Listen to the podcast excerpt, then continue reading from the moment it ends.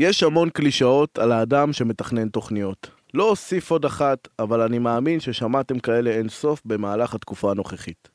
כשירות לציבור שלא שמע את אחת הקלישאות, הרעיון המרכזי הוא שאתה יכול לתכנן תוכניות, אבל אין שום ערובה לכך שהן יתקיימו.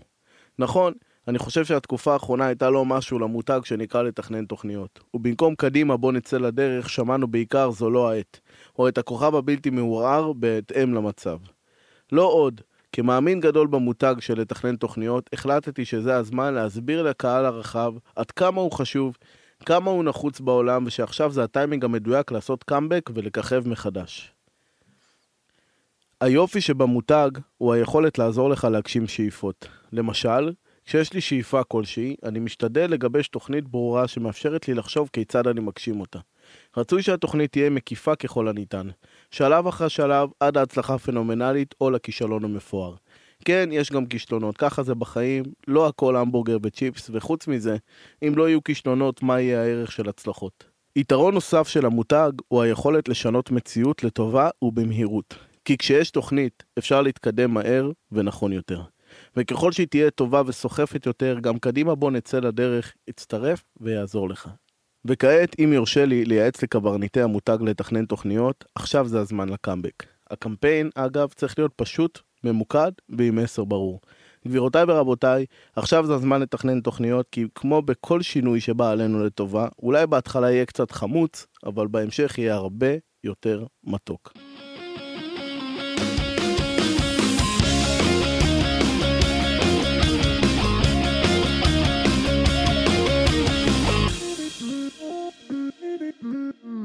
שלום לכם, איזה כיף שאתם מאזינים לפודקאסט שלי. למי שלא מכיר, קוראים לי צח אבוטבול, אני יועץ עסקי, שיווקי ואסטרטגי, הבעלים של צ'יפס, תקשורת ויזמות, אוהב לכתוב ומשתדל לאכול את הצ'יפס לפני ההמבורגר. אז רגע לפני שנתחיל בתוכנית, אני רוצה להודות לאביב ויצמן, שמארח אותי באולפן המושלם שלו. אביב הוא אמן, יוצר, מפיק והכי חשוב חבר. אז תודה רבה, ויאללה, מתחילים. את הטקסט שקראתי בפתיחת התוכנית כתבתי לפני די הרבה זמן, והוא נקרא קצת חמוץ, הרבה מתוק. והוא החשיבות בעיניי של לתכנן תוכניות, במיוחד אם רוצים שינוי. וכן, גם אם אין ערובה לכך שהן יתגשמו. ואם כבר מדברים על שינויים, מה הדרך הטובה ביותר לתכנן שינוי? האם ניתן בכלל לתכנן? בשביל לענות על השאלה החשובה הזאת, הזמנתי את חן עזרא מבין עולמות, יועץ ארגונים ומנחה קבוצות, יועץ קריירה, חבר, שותף לדרך, שיעזור לי להתקדם מכאן. אהלן חן. אהלן צח. מה העניינים? אחלה, מצוין. איזה חלק טקסי היה לנו, נכון? לגמרי, לגמרי, כן, אבל אחלה, אחלה טקסט כתבת ומאוד מתחבר אליו גם. יש לי הרבה דברים ככה להגיד עליו. איזה כיף לשמוע. על זה במהלך כל הפרק הזה, ואני אגיד ככה, אחד הדברים שחשוב לי להגיד, כבר עכשיו בהקשר הזה, שככה סימנתי לעצמי תוך כדי ש, ש, שדיברת, זה העניין הזה של לפעמים אנחנו קובעים לעצמנו איזשהו יעד ומתכננים תוכנית. ואז לפעמים התוכנית לא הצליחה, לא הגענו אל היעד, והרבה פעמים מה אנחנו עושים? אנחנו מוותרים. אנחנו זורקים את זה, או שאנחנו פשוט עושים את אותו דבר וחושבים שאנחנו נגיע אל היעד. היה איזה בן אדם אה, הרבה יותר חכם משתינו פה ביחד, שקראו לו אלברט איינשטיין, שהוא קרא לזה אי שפיות. הוא אמר שאם תעשה בדיוק את אותו דבר ותצפה לתוצאה שונה, זה, זה ממש ההגדרה של אי שפיות. אז אה, אחד העניינים האלה של באמת גם לתכנן תוכניות, זה גם לשמור תמיד על ראש פתוח, ולהבין שיכול להיות שאני צריך לשנות את זה גם באמצע, את התוכנית הזאת, ולבנות תוכניות מגירה. אבל הכי חשוב זה תמיד להתקדם, תמיד להיות עם עשייה, לא לוותר, ללמוד מהטעויות שעשיתי, ואנחנו נדבר על זה, נדבר על זה ככה לאורך כל הפרק. נדבר על זה לגמרי בהמשך, אז קודם כל, תודה רבה שאתה כאן. איזה תודה, כיף. תודה רבה שאתם מעריכים אותי, כיף, אה, כיף ממש להיות פה. כן, אז מי שלא רואה אותנו, כמובן, שאביב פה איתנו בהפקה, נגיד לו תודה רבה. אביב, אה, אני אגיד ככה, חבר יקר, את אביב אני מכיר אה, כבר איזה 15 שנה בערך.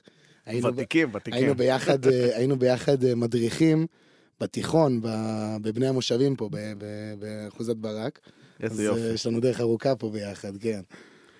אז תראו, תראה, אנחנו באמת, באמת אה, נחפור ונצלול עמוק לנושא של שינויים. אה, בשביל זה הזמנתי אותך לפה בין היתר. אה, אבל אני רוצה רגע לפתוח בו באיזה נקודה אישית מאוד מעניינת, מאוד חשובה, שקרתה פה רגע לפני התוכנית. כן, כן, לגמרי. איזה בטח. לגמרי. אז רגע זה לפני שאנחנו נדבר על השינויים, ויש לנו הרבה מה להגיד על זה, אז שווה להמשיך להאזין. אה, אני רוצה להעלות פה נושא לא פחות חשוב מזה, וזה כשחן הגיע לכאן, הוא הגיע לכאן עם מנת פלאפל. כן, כן. לא תכננתי את זה, האמת. אז כן, תספר קצת אם אנחנו מאחורי מדברים על הקלעים, תוכניות, תכף אנחנו אגב. נדבר על הצלחות, כי זה מה שמעניין פה לדעתי, זה כן. הפאנץ', אבל בוא בוא תספר איך איך זה קרה שבאת פתאום עם מנת פלאפל, כאילו משום מקום, רגע לפני שאתה מקליט פה את הפודקאסט. בוא נדבר על זה, אז זה חשוב. אגיד, אני אגיד ככה שקבענו בעצם, אני נמצא פה ככה באמת אה, בא- באולפן של אביב, כמו שאמרת, וקבענו ל... קבענו להיות פה בשבע, ואז אני יוצא ככה, אני כבר בדרך, פתאום אה, חמש דקות לפני שאני מגיע, צח מתקשר אליי ואומר לי, תשמע, בוא אנחנו נתעכב בחצי שעה, וכבר הייתי עוד שנייה בדרך, פתאום אני רואה בכביש איזה מסעדה, פלאפל, לא אכלתי ארוחת ערב, בא לי ממש בטוב, עצרתי, קניתי פלאפל, באתי עם זה, אבל צריך אפילו להתלהב עוד יותר מזה שבאתי עם פחית ענבים. כי זה אה, ה... זה, זה תשאיר לי חביבי, תקשיב טוב. זה הפאנץ' בעיניי. בשנייה שראיתי אותך עם ענבים, אמרתי, וואי, הבאתי פה את האורח הנכון.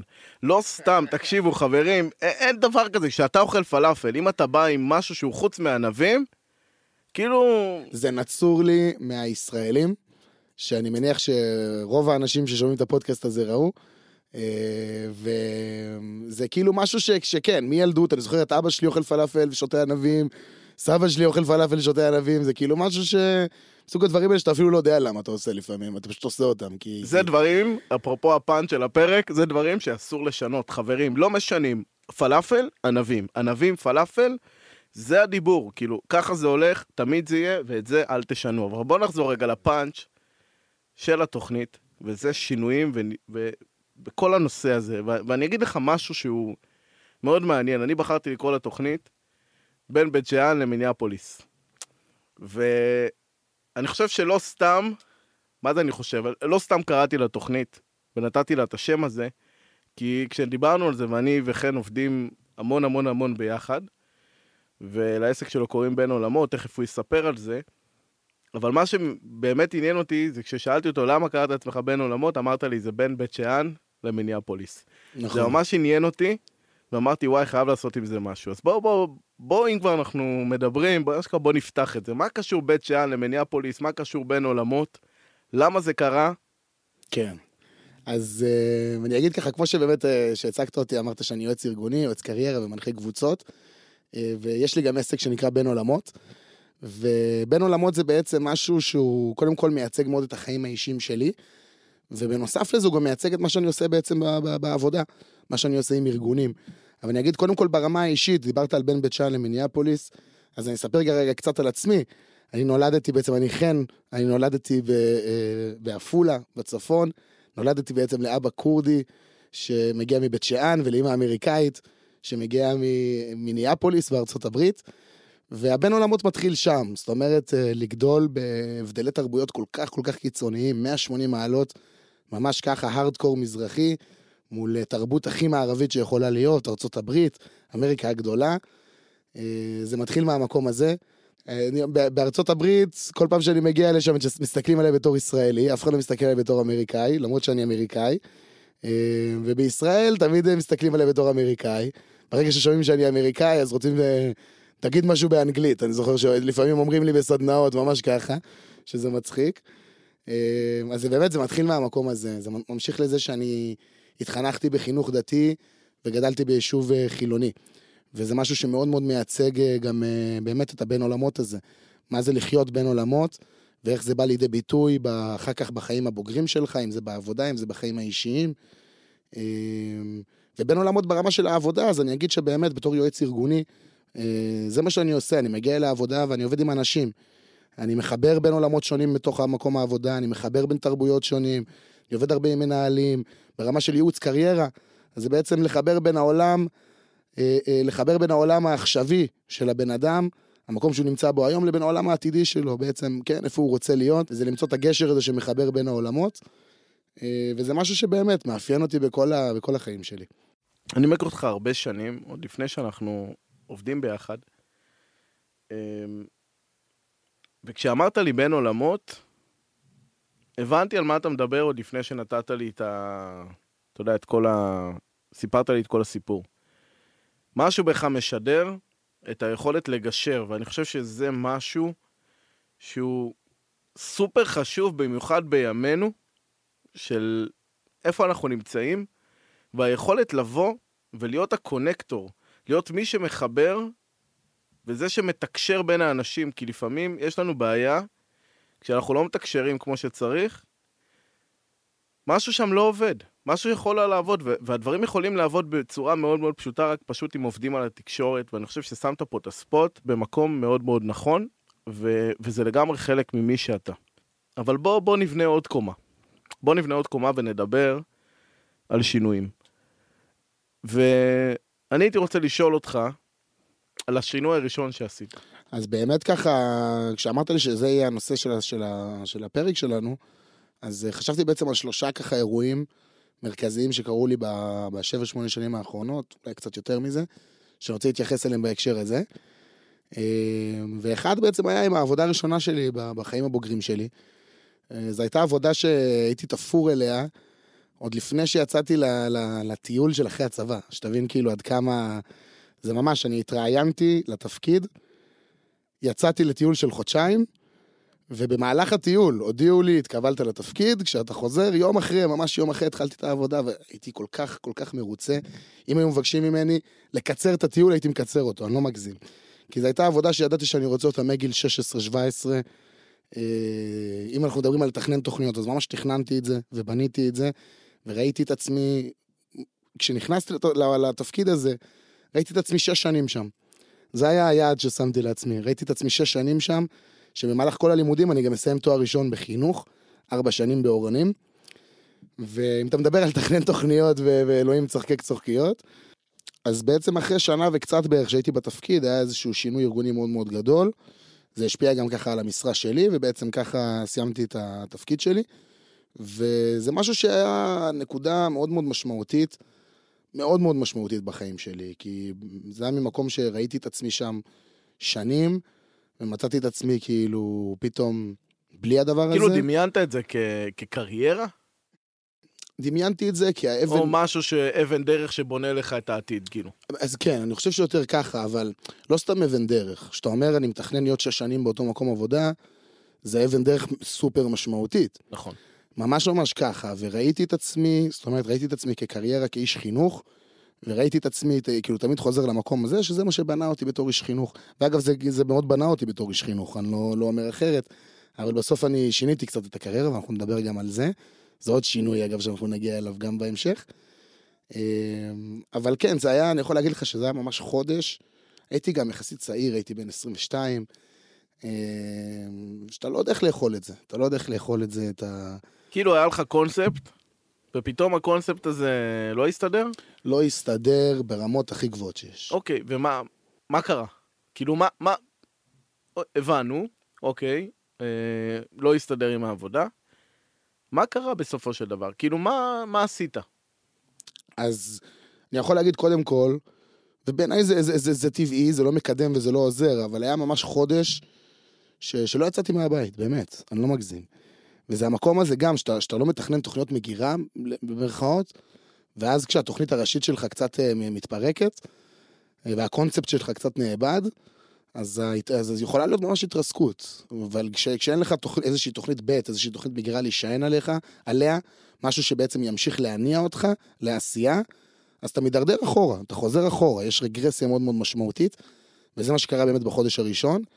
אבל אה, למזלי גם זה לא, באמת, זה לא התארך יותר מדי, זאת איזושהי תקופה ככה, שוב, הייתי גם באמת אה, מאוד מאוד צעיר אז. אה, לא ידעתי את הכיוון שלי, כן מאוד ידעתי שאני אני איש חינוך. ידעתי את זה כבר בגיל 15 אגב. אני איש חינוך, אני הולך לה, להמשיך לעבוד במקצועות של חינוך. אז בעצם מה שהתחלתי לעשות זה שהתחלתי ללמוד לפסיכומטרי. ואז במקביל ככה, שהתחלתי את הלימודים בתואר הראשון, התחלתי לעבוד באיזשהו קיבוץ. אה, בתור רכז נוער. אה, ועבדתי המון עם הנוער, עם החינוך, עם הילדים, היה לי המון המון אחריויות אה, במקום הזה.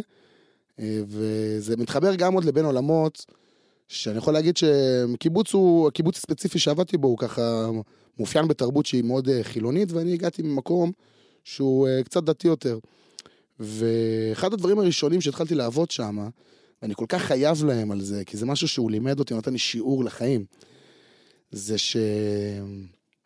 שהילדים, הם, היה להם זר לראות בעצם דמות כמוני, אה, העולם שאני מגיע בו, הרקע שאני מגיע ממנו, והם שאלו הרבה שאלות באופן לגיטימי.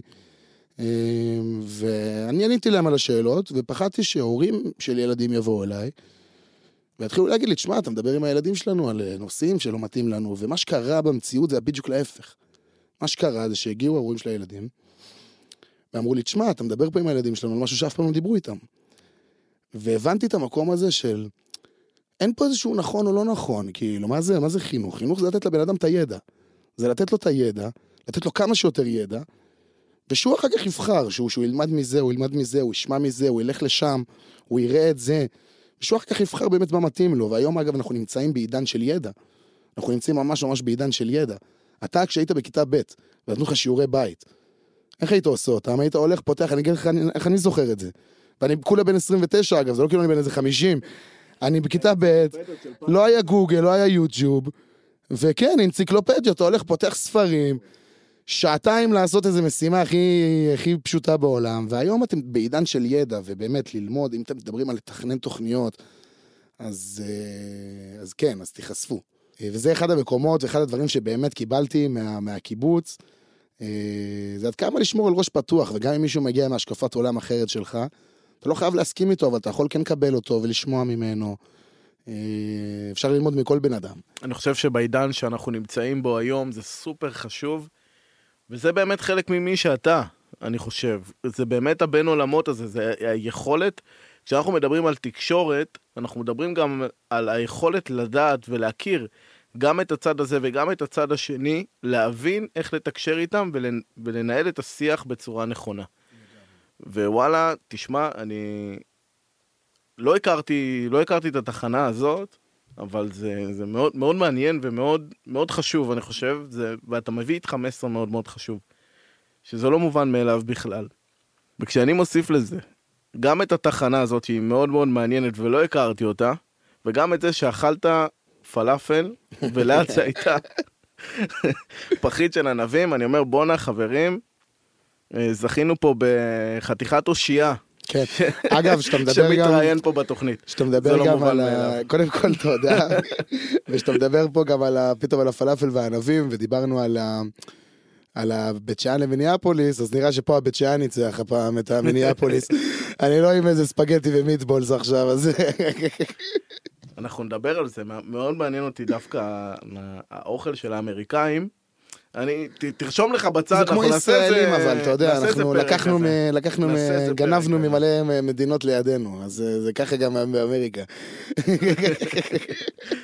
אוקיי, אז אה, בואו נעבור מפה לשינוי הבא, לקונספט השני, שזה... אה, זה חתיכת קונספט גם. זהו, שזה מאיש חינוך, כתבת לי פה מאיש חינוך ליועץ ארגוני. עכשיו, אני, אני אגיד משהו שהוא מאוד מעניין אותי, שעד עכשיו סיפרת שהקונספט שלך, כל הזמן, מגיל מאוד מאוד צעיר, זה להיות איש חינוך, ואני מתאר לעצמי שבדרגה של השינויים, זה שינוי מאוד מאוד מאוד משמעותי, אה, ואני סקרן כבר אה, לשמוע. אני לקראת סוף התואר הראשון שלמדתי, אז אה, איפשהו בשנה ב' התחלתי לעבוד בפנימייה טיפולית לנוער בסיכון. והכיוון היה בעצם, התקבלתי כבר לקראת, בשנה ג' התקבלתי כבר לתואר שני בעבודה סוציאלית קלינית, וזה בעצם היה, כמו שאמרת, זה היה קונספט מגיל צעיר, באמת טיפול, חינוך, נוער וכדומה. אה, ובשלב הזה הייתה איזושהי נקודת מפנה מאוד מאוד משמעותית, ואני חייב להגיד שזה התחיל, דווקא התחיל מהסביבה הקרובה אליי, זה התחיל ממשפחה וחברים קרובים שלי, שפתאום באו אליי איזה יום אחד, וזה התחיל מאיזשהו חבר שבא אליי איזה יום אחד ואמר לי, תשמע, חן, אני חושב שאתה צריך לעזוב את הפנימייה. ככה. וזה מנוגד לקונספט, זה מנוגד לכל מה שאני מאמין בו. ושאלתי עוד, כאילו גם שאלתי את ההורים שלי איך הם תופסים את זה, והם אמרו לי גם שהם חושבים ככה. ובעצם מה שאני התחלתי להבין זה מה אני גם משדר כלפי חוץ.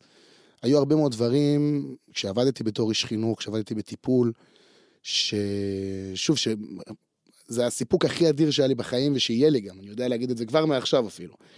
אבל זה גבה ממני איזשהו מחיר ברמה המנטלית, ברמה הנפשית, שכנראה כבר ממש שידר החוצה.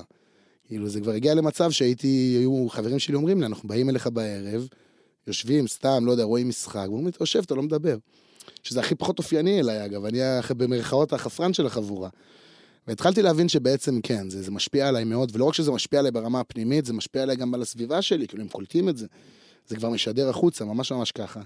וניסיתי להבין איך זה יהיה עוד עשר שנים. ופה אמרתי לעצמי, אם לא חינוך וטיפול, אז איפה אני יכול לעבוד עם אנשים? בצורה שלא תגבה ממני איזשהו עומס נפשי. וכשהייתי בשנה השלישית בתואר הראשון, נחשפתי לכל התחום הזה של ייעוץ ופיתוח ארגוני. נחשפתי לזה מאיזשהו יום פתוח שהיה אצלנו במכללה.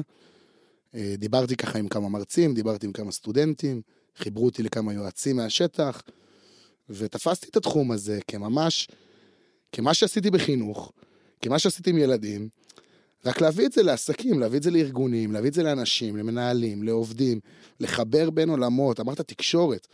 מהחוויה שלי באמת, כל ארגון שאני מגיע אליו, אה, אה, גם אצלי אגב, כן, גם לפעמים הסנדלר הולך יחף במרכאות, אבל לפעמים יש כאילו קצרים בתקשורת כל כך כל כך בסיסיים, אה, לפעמים זה משפיע ממש על היחסים.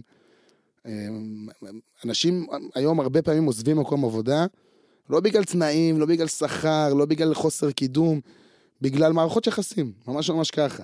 בגלל חוסר תקשורת, בגלל, בגלל שאין חיבור בין עולמות בתוך מקום העבודה. אז, אז, אז, אז השינוי נולד משם. זה, זה, משם הוא נולד, השינוי הזה של מאיש חינוך ליועץ ארגוני. אני מאוד מתחבר לנקודה הזאת, כי בסופו של דבר בעידן של היום אנחנו יכולים לעשות כמה דברים, או אפילו נדרש מאיתנו, לפתוח את הראש ולראות איפה אנחנו יכולים ואיך אנחנו, אנחנו יכולים למקסם את הפוטנציאל שלנו. ואותי מעניין, מה הפעולה הראשונה שעשית, שכאילו שינתה את הכיוון?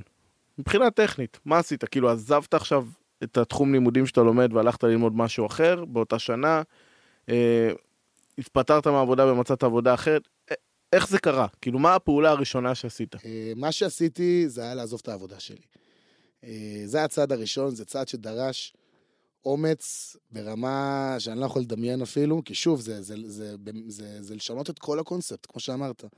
זה היה הצעד שבעצם נתן את הגושפנקה הזאתי, של אה, אני כרגע, לפחות בשנים הקרובות, לא עובד בתור איש חינוך. לא עובד בתור מטפל. הייתי ממש, זה היה חודשיים ש, ש, ש, שחתמתי אבטלה אפילו, ממש ברמה כזאתי. ואז התחלתי לעבוד במכללה ש, שלמדתי בה בתור יועץ לימודים. בעצם אנשים שרצו ללמוד תואר ראשון או תואר שני, היו מגיעים אליי, מתייעצים על החוגים, הייתי נותן איזשהו ייעוץ, בודק את התנאי קבלה. ככה גם נחשפתי לכל התחום הזה של ייעוץ קריירה, אגב, שהוא מאוד מתחבר לעולם של ייעוץ ארגוני, עולם של אה, באמת שינויים בעידן התעסוקה, של להכין תוכניות ושינויים. אה, וזה גם בדיוק המקום הזה של, של שינויים, לתכנן תוכניות. חבר'ה, זה גם אחרי תואר ראשון, סבבה? אני מדבר איתכם על זה שכאילו, את השינוי הזה, את השינוי התעסוקתי הכי גדול בקריירה שלי, אני עשיתי אחרי שהיה לי תואר ראשון, ממש ברמה כזאת, לא, לא לפני. אה, אז, אז... כן, יש, יש לנו נטייה לבוא, לחשוב שאם יש לנו, אם למדתי תואר מסוים, זה המסלול שבו אני אלך. אז לאו דווקא. ואני לגמרי חושב שזה ממש לא נכון, כי בסופו של דבר תואר זה נחמד, אוקיי? אקדמיה בעיניי, יש לי המון, המון ריספקט לאקדמיה. אני חושב שצריך להתייחס לזה, לדעתי, כן? כ- כאיזשהו ארגז כלים שאתה מקבל לדרך, ואתה תוכל עם הארגז כלים הזה להשתמש בזה, לקריירה שאתה רוצה ללכת אליה. לא משנה לאיפה אתה תלך, הכלים האלה יעזרו לך, אבל אם תבוא ותגיד ותגדיר את המהות שלך, למדתי תואר ראשון, או אני לומד תואר ראשון כי אני רוצה לעשות אך ורק את זה, אני חושב שאיפשהו מפספסים פה את המטרה. כן. ואגב, אני אגיד גם, רציתי להתייחס לזה מקודם, אה, אה, כל השינוי הזה גם שעשיתי בעצם מאיש חינוך ליועץ ארגוני, אחת המטרות שאמרתי לעצמי כשעשיתי את זה, זה שאני רוצה לבוא לכל העולם הזה של החינוך, פחות כאילו מכובע אחר, ויותר באמת מכובע שמסתכל על צרכים ארגוניים, רוחביים, ופחות האחד על אחד של טיפול, חינוך, הדרכה וכדומה, כי זה משהו שבאמת אה, אה, אה, היה לי קשה להתמודד איתו. והיום מה שאני עושה זה שלא עם אחד, לא עם שניים ולא עם שלושה, אני מלווה מוסדות חינוך כיועץ ארגוני.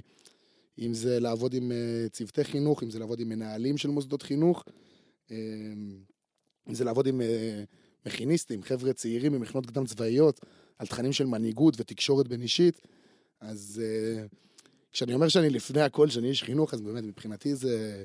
הכי זה כיף כאילו לי, ה- זה התשוקה הכי גדולה בחיים שלי. אני חושב באמת. שכל המסע שעשית, כל הדרך שעברת, היא נתנה לך את הכלים, אמ, בסופו של דבר, לתפקד היום בצורה מאוד מאוד נכונה, כי אתה מגיע פלוס מינוס מהמערכת, אתה מבין מה קורה ברמה הכי בסיסית שיש. וזה יתרון מאוד מאוד, משמעותי בעיניי. אני רוצה לקחת אותך עכשיו לתחנה הבאה, שהיא מעניינת, שהיא לא שינוי של קונספט או מקצוע,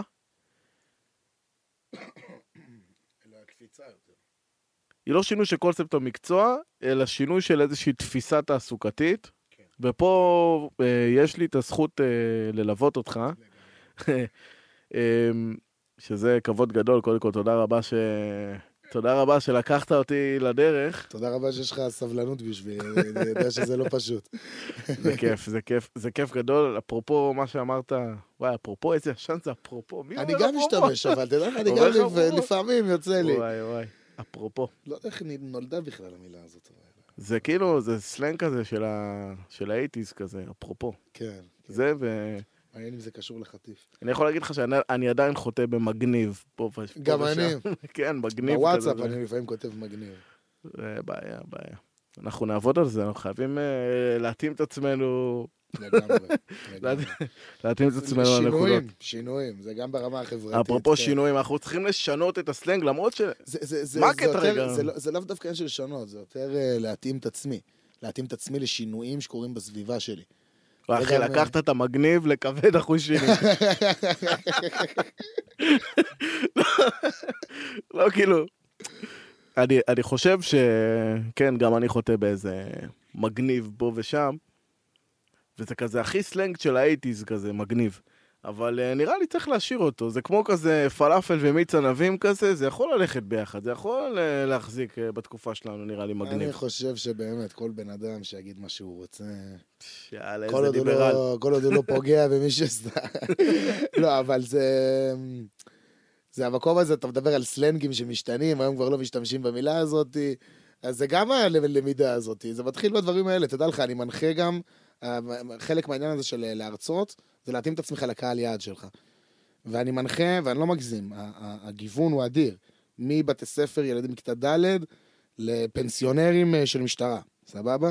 אתה לא יכול לבוא באותו כובע, אתה לא יכול לדבר איתם את אותה שפה. זה לא מגניב. אז, אז גם, בדיוק, אז, אז אולי, אז לילדים בכיתה ד' אתה פחות תשתמש במילה מגניב, כי לא, יכול להיות שהם לא יכירו אותה בכלל, אבל עם המבוגרים זו מילה שהם יגידו אותה לפניי כנראה. אז זה באמת המקום הזה של כאילו, כן, להתאים את עצמי לסביבה וללמוד ממנה. מעניין. עכשיו אני רוצה לקחת אותך לתחנה הבאה, שהיא בעיניי אחת המעניינות והרלוונטיות. לא כי זה רק uh, בין היתר תחום העיסוק שלי, כן. um, אבל זה... וזה חתיכת מעבר, כי אני רואה את זה... אני יכול להגיד לך שאני רואה את זה גם ב- ביום-יום, בעבודה שלי בתור יועץ עסקי, שיווקי, אסטרטגי. Uh, התחנות האלה, המעבר הזה בקריירה, השיפט הזה שאנחנו עושים, וזה המעבר משכיר לעצמאי. כן. ואני כן יכול להגיד ש... אני מלווה אותך משלב מאוד מאוד התחלתי בעסק שלך, וכן אה, כן יהיה נחמד אה, ככה לדבר על זה, אה, דווקא מה... כאילו אנחנו עסוקים בעשייה, ואנחנו עובדים ועושים ו... ומתכננים, וכל מה שצריך לעשות מבחינה עסקית, אנחנו, אתה לגמרי, לגמרי על זה, ולא לקחנו איזשהו צעד רגע להסתכל על זה, מה שנקרא, מלמעלה. אז כן היה מעניין אותי אה, לדעת איך, איך המעבר הזה עבר לך, איך זה עובר לך. כן. תראה, קודם כל אני אגיד שמלכתחילה, מלכתחילה באמת מאוד מאוד כיוונתי להיות עצמאי. אה, כשהלכתי ללמוד תואר שני בייעוץ ארגוני, רציתי באמת להיות עצמאי, אני יכול להגיד שזה גם משהו שמאוד מאפיין אותי באופן אישי את החיים שלי.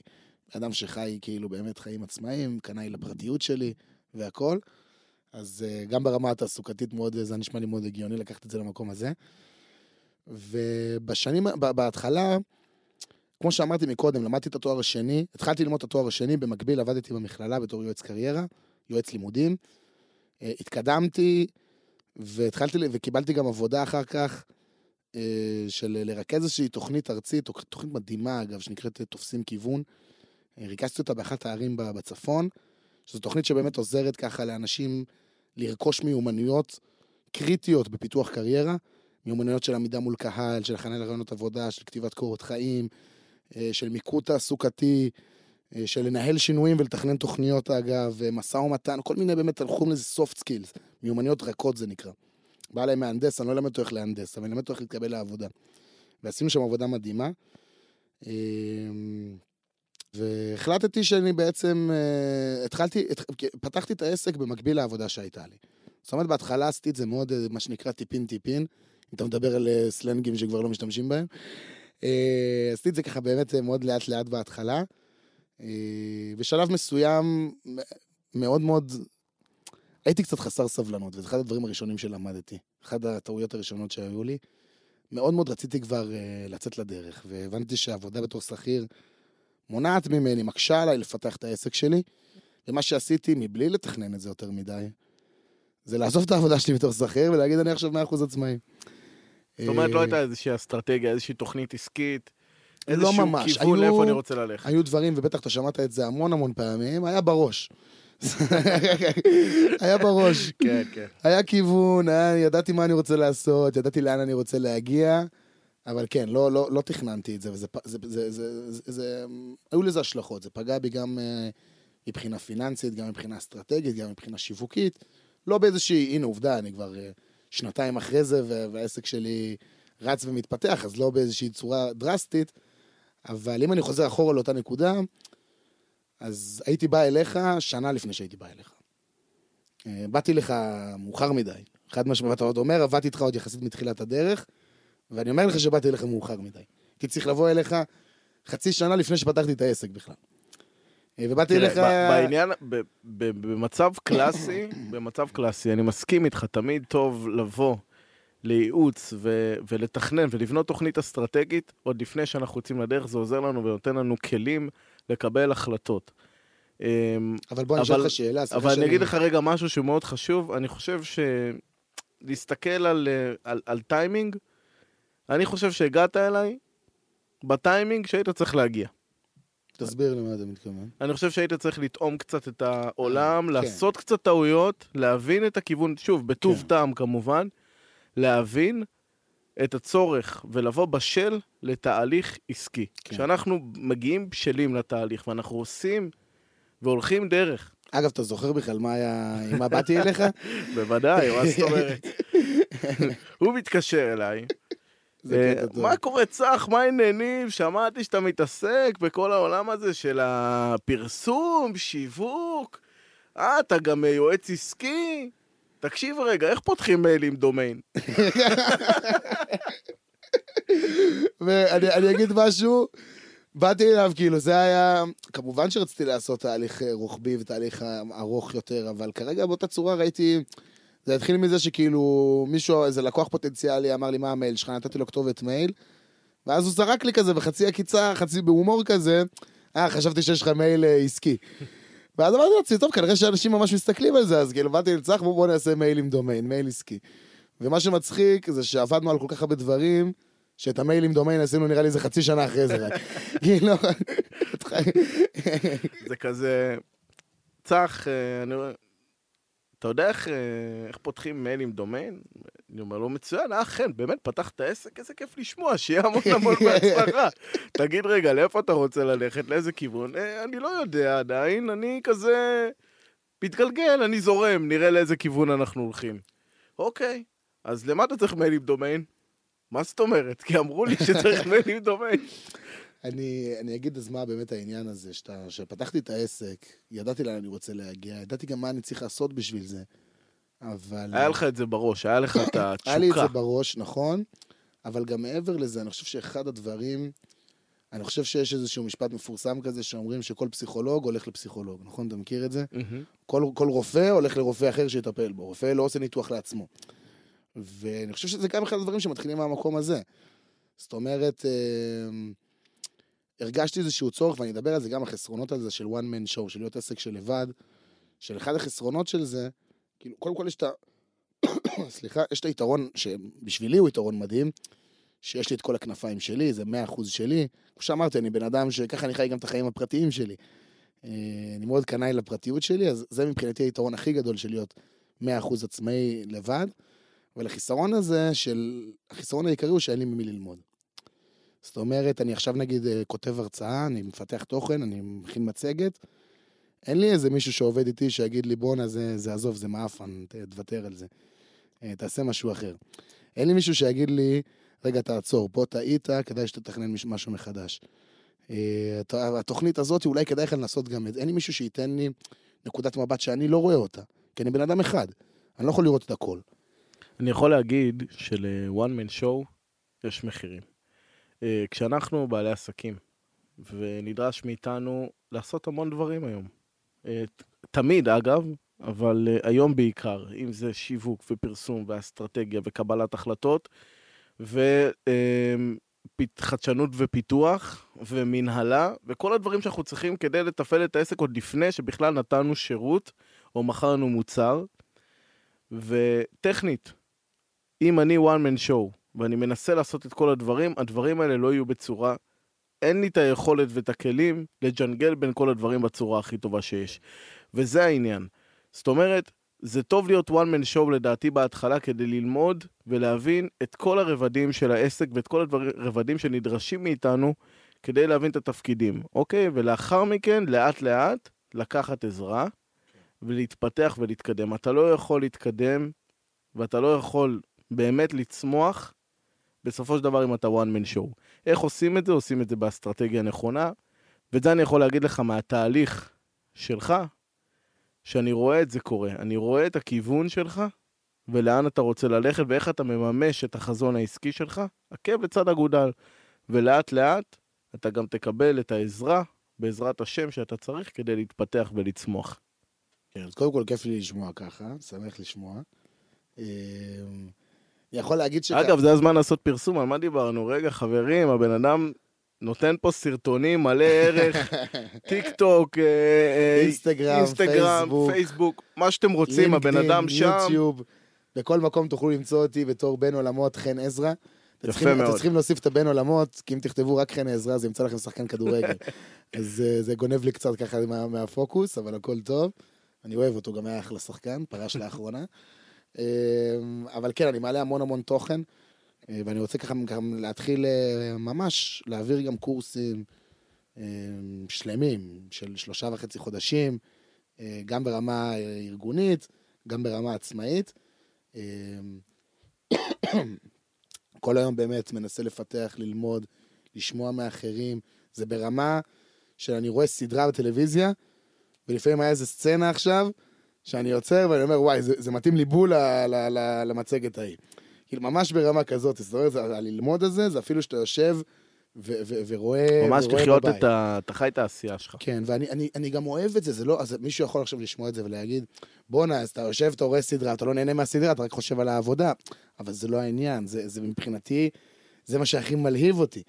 שאני פתאום עכשיו רואה איזה סדרה, ואני יכול לקחת את זה ולקשר את זה בכלל לאיזה משהו מהעבודה שלי, להעברת מסרים, שפת גוף, להקשבה פעילה, לא משנה למה, כל הדברים שאני מתעסק בהם, מנהיגות, כל העולם תוכן שלי. אמ, אז, אז זה הכי כיף לי. אבל בלנס. זאת אומרת, אם יש משהו שאני למדתי, גם קודם כל מעבודה שלי, ביום-יום, שאני עובד עם לקוחות, וגם אני עצמי כלפי העסק שלי, שאתה too much בתוך העסק, ואתה לא משקיע את הזמן גם בחיים עצמם, בסופו של דבר זה לא מאוזן וזה לא נכון.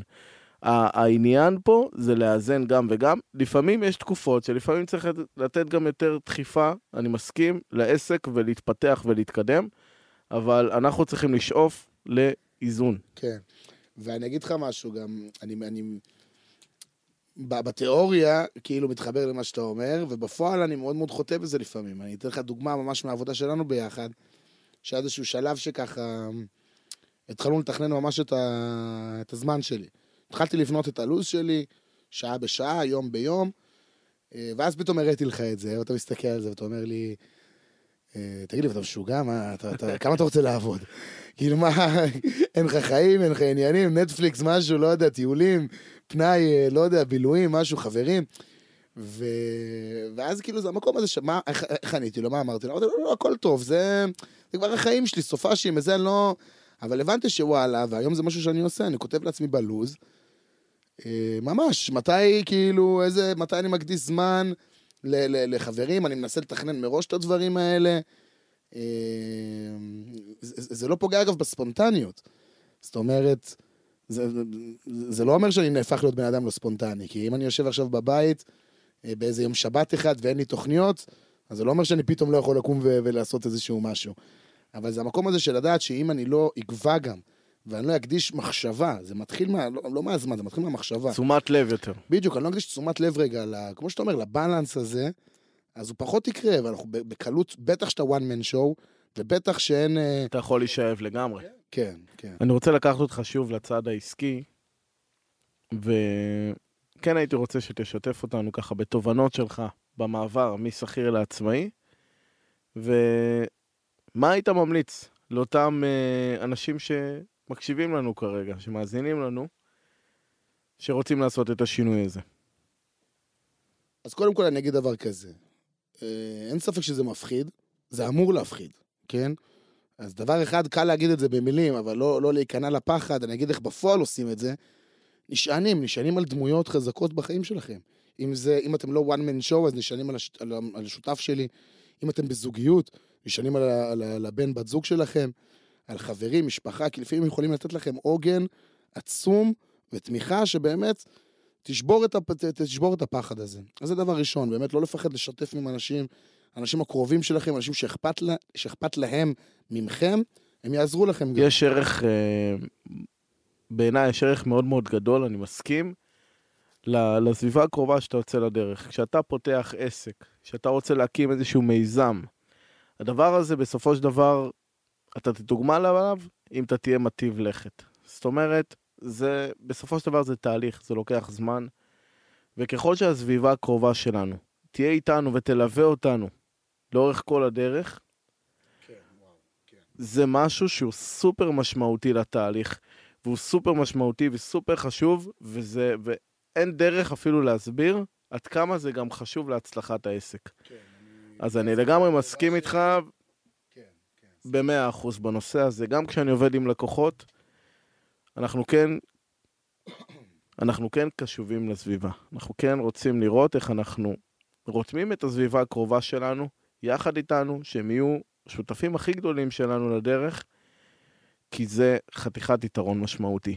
אז אם יש את זה, לעשות את זה. ואם אם זה לא קורה, אגב, אם זה לא קורה, יכול להיות שאחת מהסיבות זה תקשורת, ואם אנחנו כבר מדברים פה על אה, לתכנן תוכניות ובין עולמות, אז זה לגמרי בנקודות האלה. לפעמים אולי להקשיב לצד השני ולבנות איזושהי קונסטלציה שתעזור לנו בסופו של דבר לנהל שיח נכון לשני הצדדים, כדי שהעסק יצמח. כי כשיש לך שותפים ויש לך סביבה תומכת, אתה יכול לנוע קדימה. לגמרי מסכים איתך בנקודה הזאת. יש לי שאלה נוספת, אפרופו תוכניות. כשאנחנו מדברים על תוכניות, רוב העסקים, או המון עסקים, מתחילים באמת מאיזשהו תשוקה, מאיזשהו חזון שיש לאותו מקים, בעל או בעלת עסק שרוצים להקים את העסק, את המיזם, והם פשוט יוצאים לדרך. ואחת מהנקודות המרכזיות שאני עושה בתחילת הדרך, כשאני מייעץ ליזמים ובעלי עסקים, זה לשאול אותם האם יש להם איזושהי אסטרטגיה, האם יש להם כיוון לאיפה ולאן הם רוצים ללכת. ואני כן יכול לשתף שכשאני וחן התחלנו לעבוד ביחד, אפרופו מייל עם דומיין, אחרי שסיימנו לדבר על זה, ואם זה, צר... אם, אם זה חשוב, בעיניי זה, זה טוב שיש, אוקיי? אבל זה לא המהות. אמ, ומהר מאוד נכנסת פה ל... מה שנקרא, נכנסת פה לכיוון ולדרך המלך בעיניי. אז מה התובנה המרכזית שלך מהדרך? אז אני אקח איזשהו משפט שאמר אה, אייזק ניוטון לפני איזה 400 שנה, יותר אפילו, שמאוד מלווה אותי בהשקפות עולם שלי בתור בן אדם, בתור יועץ ארגוני, בתור איש חינוך, והוא אמר שאנשים כחברה, אנחנו בונים יותר מדי חומות ופחות מדי גשרים. וזה בין עולמות. בואו נבנה יותר קשרים ופחות חומות. בואו יותר נחבר בין עולמות ובין אנשים ובין תרבויות, ובואו פחות ניצור את החומות ביניהם. בדיוק, פשוט, מדויק. אין סיום יותר טוב לפרק מהמשפט הזה, מאוד מתחבר למה שאתה אומר. חברים וחברות, איזה כיף. כן, תקשיב, קודם כל. חן, תודה רבה. אין דברים כאלה, באמת, אני נהניתי, וזה פשוט, אין דברים כאלה. תודה רבה. אז אני אגיד גם, ממש נהניתי פה. היה מרתק, אה, מעניין. אם לא עוצרים אותי, אני יכול לדבר גם שעות. אז אה, אני, אני רושם פה, כי יש לנו, יש לנו פה הרבה עבודה, יש לנו הרבה, על דברים, הרבה דברים נוספים שאנחנו נדבר עליהם בהמשך, בעזרת השם. אה, אני מאמין שככה... אז אני גם צפה, רוצה... צפה להזמנה כזה, אבל פעם הבאה שאתה. מגיע, אני רוצה שתבוא גם, שתבוא גם עם פלאפל, אני אביא שתיים, מה זאת אומרת? וגם פלאפל, גם פחית אני אביא מיץ שלוש ענבים. גם, אה, גם בשביל אביב. כן, גם אביב פה איתנו. אגב, כן, אבל רוצה להגיד ממש תודה לאביב, שמארח אותנו ככה פה באולפן שלו. אה, אביב בן אדם באמת מקסים. אין דברים כאלה, אז אני מקווה שתהנו מהפרק. תודה רבה שהאזנתם לנו. תודה רבה לאביב, תודה רבה לחן. אה, חברים וחברות, אני אשמח שככה תמליצו לפוד, על הפודקאסט אה, גם אה, הלאה. אנחנו בכל מקום, גם בספוטיפיי, גם באפל פודקאסט, בכל פלטפורמה אפשרית אנחנו נמצאים. אה, לכל שאלה, לכל דבר, אני זמין לכם באינסטגרם שלי, וגם כמובן באתר של צ'יפס תקשורת ויזמות. תודה רבה לכם, ואנחנו נתראה בפרק הבא.